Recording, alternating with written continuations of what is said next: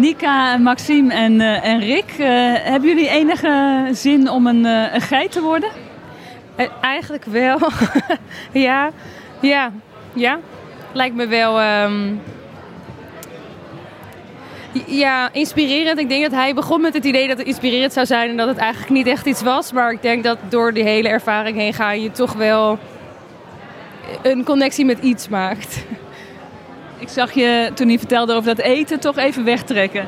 Ja, dat zag er niet zo heel smakelijk uit. En ik denk ook een geit worden zou ik liever niet doen. Maar er zijn op zich wel andere dieren die me wel, uh, wel leuker lijken. Een vogel of zo. Uh, weet je Dat je dan kunt vliegen. Ja, precies. Dat lijkt me ook wel een mooie ervaring. En ooit gedacht, ik ga een geit worden, Rick? Nee, eigenlijk ook niet. Maar ik vond zijn doorzettingsvermogen om dit toch te realiseren wel heel inspirerend. Ja.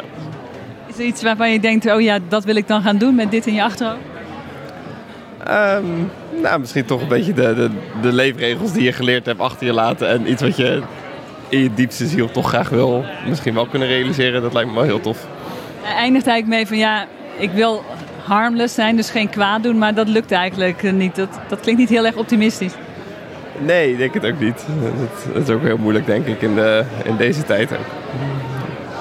Je doet al gauw kwaad. Ja, het is bijna niet mogelijk om te leven inderdaad zonder een vorm van impact te hebben. En die is vaak, ja, heeft altijd wel ergens impact op. En dat is vaak ook wel negatief. Maar het is gewoon het doel van het leven is gewoon zoveel mogelijk positieve impact proberen achter te laten.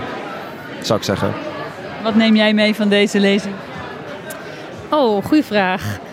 Uh, ik denk dat uh, het aan de ene hand zeg maar, een soort van diepe interpretatie is, inderdaad, zoals Rick zei. En uh, het, het, nadenken over de, de regels die we zelf hebben ingesteld en of die wel zo belangrijk zijn als dat we ooit hebben bedacht.